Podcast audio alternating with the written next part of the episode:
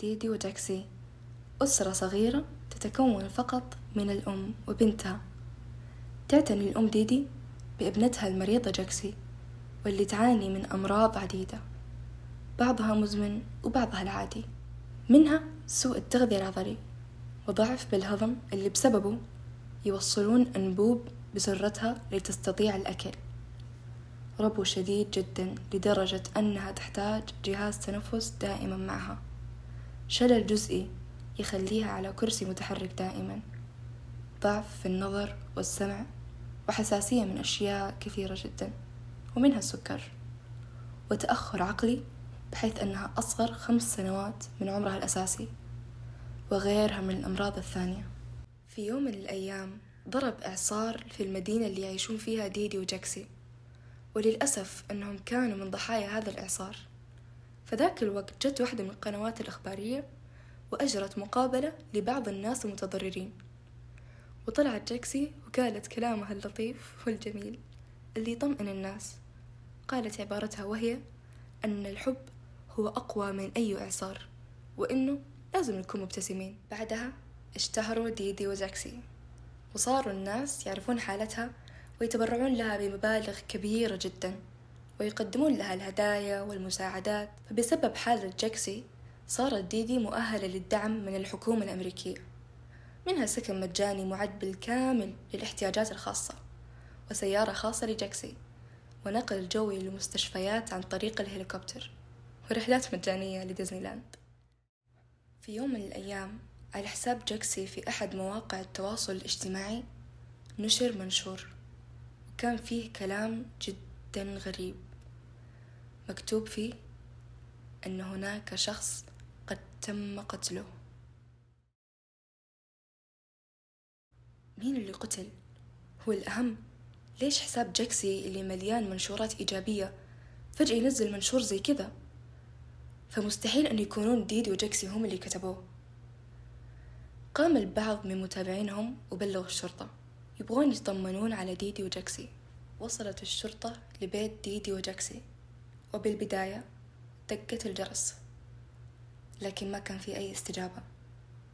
فقامت الشرطة ودقت الباب وبرضه ما كان في أي استجابة. فاقتحمت الشرطة للمنزل وبدأوا بالتفتيش. حصلوا البيت كان في حالة طبيعية. فتشوا الدور الأول كان ما فيه أحد والبيت كان شكله طبيعي. زي ما قلنا وما في أي شيء يوحي إن كان فيه سرقة أو غيره.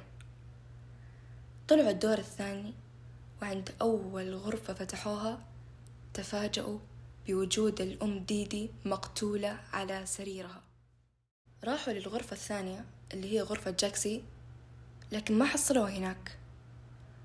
فتشوا البيت كامل وما في أي أثر لجاكسي. طيب وين راحت؟ والغريب أن أجهزتها اللي تعيش عليها كلها موجودة في البيت. فهنا بلغوا أنها أصبحت قضيتين. الأولى هي اختطاف للبنت جاكسي والثانية هي قتل للأم ديدي. البيت ما كان فيه أي أدلة تساعدهم وبالتالي صار عندهم خيار واحد فقط وهو أنهم يتتبعون مكان الجهاز اللي نزل منه هذا المنشور. ويوم حددوا موقع الجهاز اللي نزل منه هذا المنشور ظهر أنه لشخص يدعى نيك وبسرعة وصلت الشرطة لمنزله واقتحمت المنزل.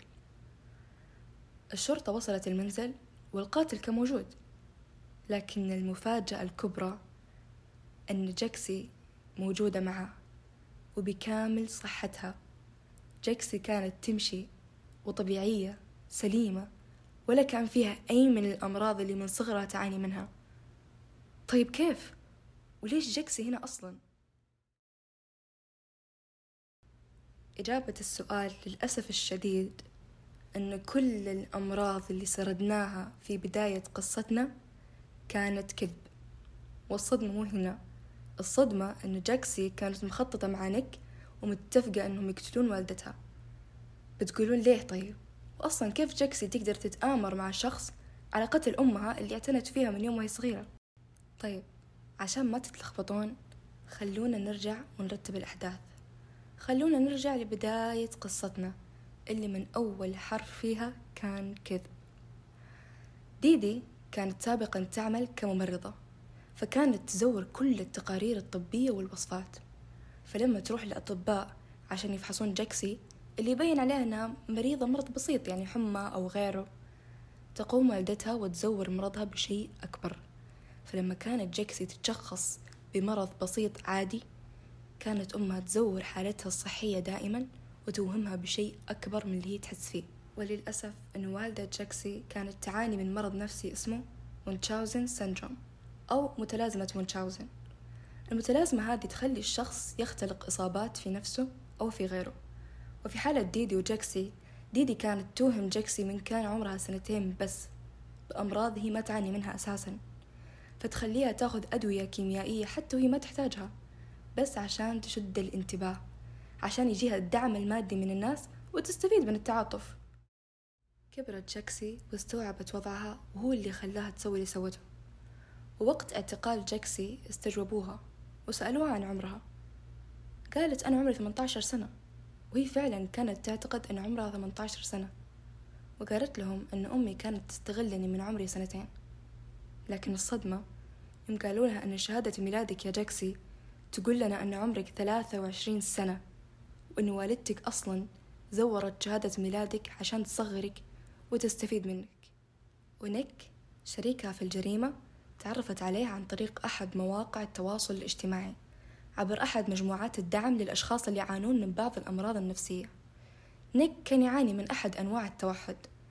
كانت تتواصل معاه بشكل يومي وتشتكي من أمها وكيف أنها مسيطرة على حياتها وتخليها تكذب على الناس وأنها طبيعية وذكية زي باقي الأطفال.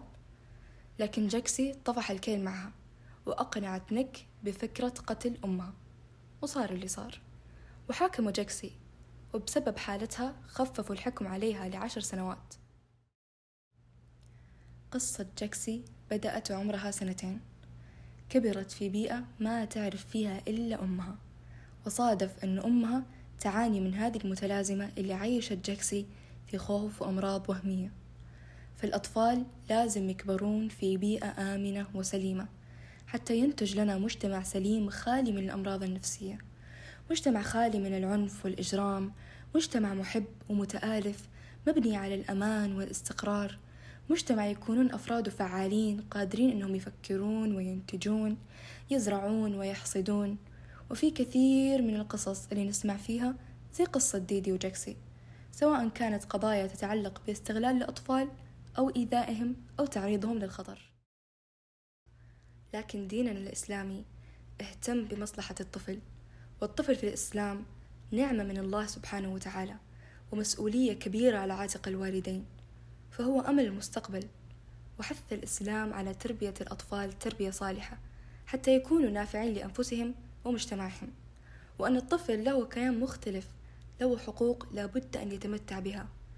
واهتم الإسلام أيضا بتوفير البيئة المناسبة للطفل لينمو ويكون في المستقبل شاب صالح لا يعاني من أي مشاكل صحية أو نفسية. وأن والديه ملزومين بتوفير الرعاية المناسبة له مثل حق النفقة بأنهم يوفرون له المستلزمات الأساسية. حتى أبسط الحقوق مثل اللعب حرصت عليها السنة النبوية. فكان الرسول عليه الصلاة والسلام وأهل بيته يلعبون مع الصغار ويمازحونهم. وبسبب حرص الدين الإسلامي على حقوق الطفل وتأكيدها في مواضع عديدة في السنة النبوية وأيضا في القرآن الكريم أكدت المملكة العربية السعودية حرصها ووعت بأهمية مرحلة الطفولة في بناء شخصية الطفل وتكوين أفكاره ومشاعره. وركزت على صب كامل اهتمامها على هذه المرحلة الحساسة حتى أن الطفل اللي يولد في هذا الوطن ويكون مجهول الوالدين أو يتيم وما عنده أحد يرعاه تهتم الدولة برعايته في مراكز الرعاية الاجتماعية وضعت مسؤولين يهتمون بمراقبة احتياجاتهم حتى يكبر ويصير قادر على العمل بنفسه. وحرصت المملكة على توفير الحماية للطفل من جميع أشكال الإيذاء سواء كان لفظي أو جسدي أو حتى نفسي. فشرعت أنظمة تنص على حماية الطفل وحفظت له الحقوق التي قررتها الشريعة الإسلامية والأنظمة والاتفاقيات الدولية. ومن أبرز هذه الأنظمة نظام حماية الطفل ونظام الأحداث ونظام الحماية من الإيذاء. وكانت كلمة ولي العهد الأمير محمد بن سلمان عن هذا الموضوع أكبر دليل على ذلك حيث قال سيكون هدفنا أن يحصل كل طفل سعودي أينما كان على فرصة التعليم الجيد. وفق خيارات متنوعة وسيكون تركيزنا أكبر على مراحل التعليم المبكر. واليوم بمناسبة يوم الطفل العالمي الموافق 20 نوفمبر راح ناخذكم معنا في لمحة على أبرز المواد من نظام حماية الطفل اللي شرعتها الدولة لغرض حماية الطفل. واللي تعتبر مواد مهمة جدا وفارقة في حياة أطفالنا. مثل المادة الخامسة اللي نصت بشكل صريح على أن للطفل في جميع الأحوال الأولوية في الرعاية والحماية والإغاثة. أو مثل المادة التاسعة اللي تحظر استغلال الأطفال لأهداف منحرفة أو إجرامية أو حتى لهدف التسول مثل اللي صار في قصتنا مع جاكسي واستغلال والدتها لها. فهذا الشيء ممنوع منعا باتا ممارسته داخل دولتنا فهذه القوانين قادرة على تحسين حياة الأطفال المعيشية وتضمن لهم مستقبل واعد ومليء بالآمال والأحلام اللي مئة بالمئة بيكون بعيد عن متناول أيادي المجرمين الملوثة. فلما يكون مصدر خوف الطفل هو نفسه مصدر أمانه اللي هو عائلته تصبح المشكلة أصعب مما هي عليه. بس وزارة الموارد البشرية رفضت أن حياة الأطفال تصبح على محك الاحتمالات. فأنشأت الإدارة العامة للحماية الأسرية. ومن هنا كانت الانطلاقة للعديد من مراكز البلاغات للعنف الأسري اللي رقمهم واحد تسعة واحد تسعة واللي يهدف لمساعدة الضحايا وتقديم الدعم النفسي والقانوني والاجتماعي وحمايتهم من الممارسة السلطوية عليهم وأكيد توفير الاستشارات للضحايا والأسر المتضررة ومن شأنها تخفيف التوترات والصراعات العائلية. ولا ننسى نذكر أن مملكتنا الرشيدة عضوة في منظمة اليونسف اللي تهدف بشكل خاص لمنح الأطفال فرصتهم بالازدهار. وتدعو قادة العالم المجتمعين في الجمعية العامة للأمم المتحدة بوضع حقوق الأطفال في صميم أهداف التنمية المستدامة فهي تتبنى 17 هدفا. أبرزها القضاء على الفقر والجوع وضمان التعليم الجيد وتوافر المياه والطاقة وتعزيز للمجتمعات المسالمة. فكل طفل في هذا العالم يستحق الحب يستحق الأمان يستحق السعادة يستحق أنه يكبر وسط عائلة صحية ومجتمع سليم يستحق أنه يلعب يستحق أنه يجرب ويفكر ويتعلم ويستكشف أشياء جديدة. والطفل هو أمل المستقبل وهو اللبنة الأساسية التي تبنى عليها الأمم والشعوب. فإذا أردنا أن نبني أمة صالحة فلا بد أن نبدأ بتربية أطفالنا تربية صالحة. أعزائنا المستمعين وصلنا لنهاية حلقتنا لليوم. نرجو من الله أن نكون قد قدمنا ما يمتع ويفيد. والشكر لكاتباتنا المبدعات وأعضاء بودكاست حفظ قانوني. والشكر لكم مستمعين الرائعين. كانت معكم بيان الزهراني. نلقاكم في حلقة أخرى على خير بإذن الله.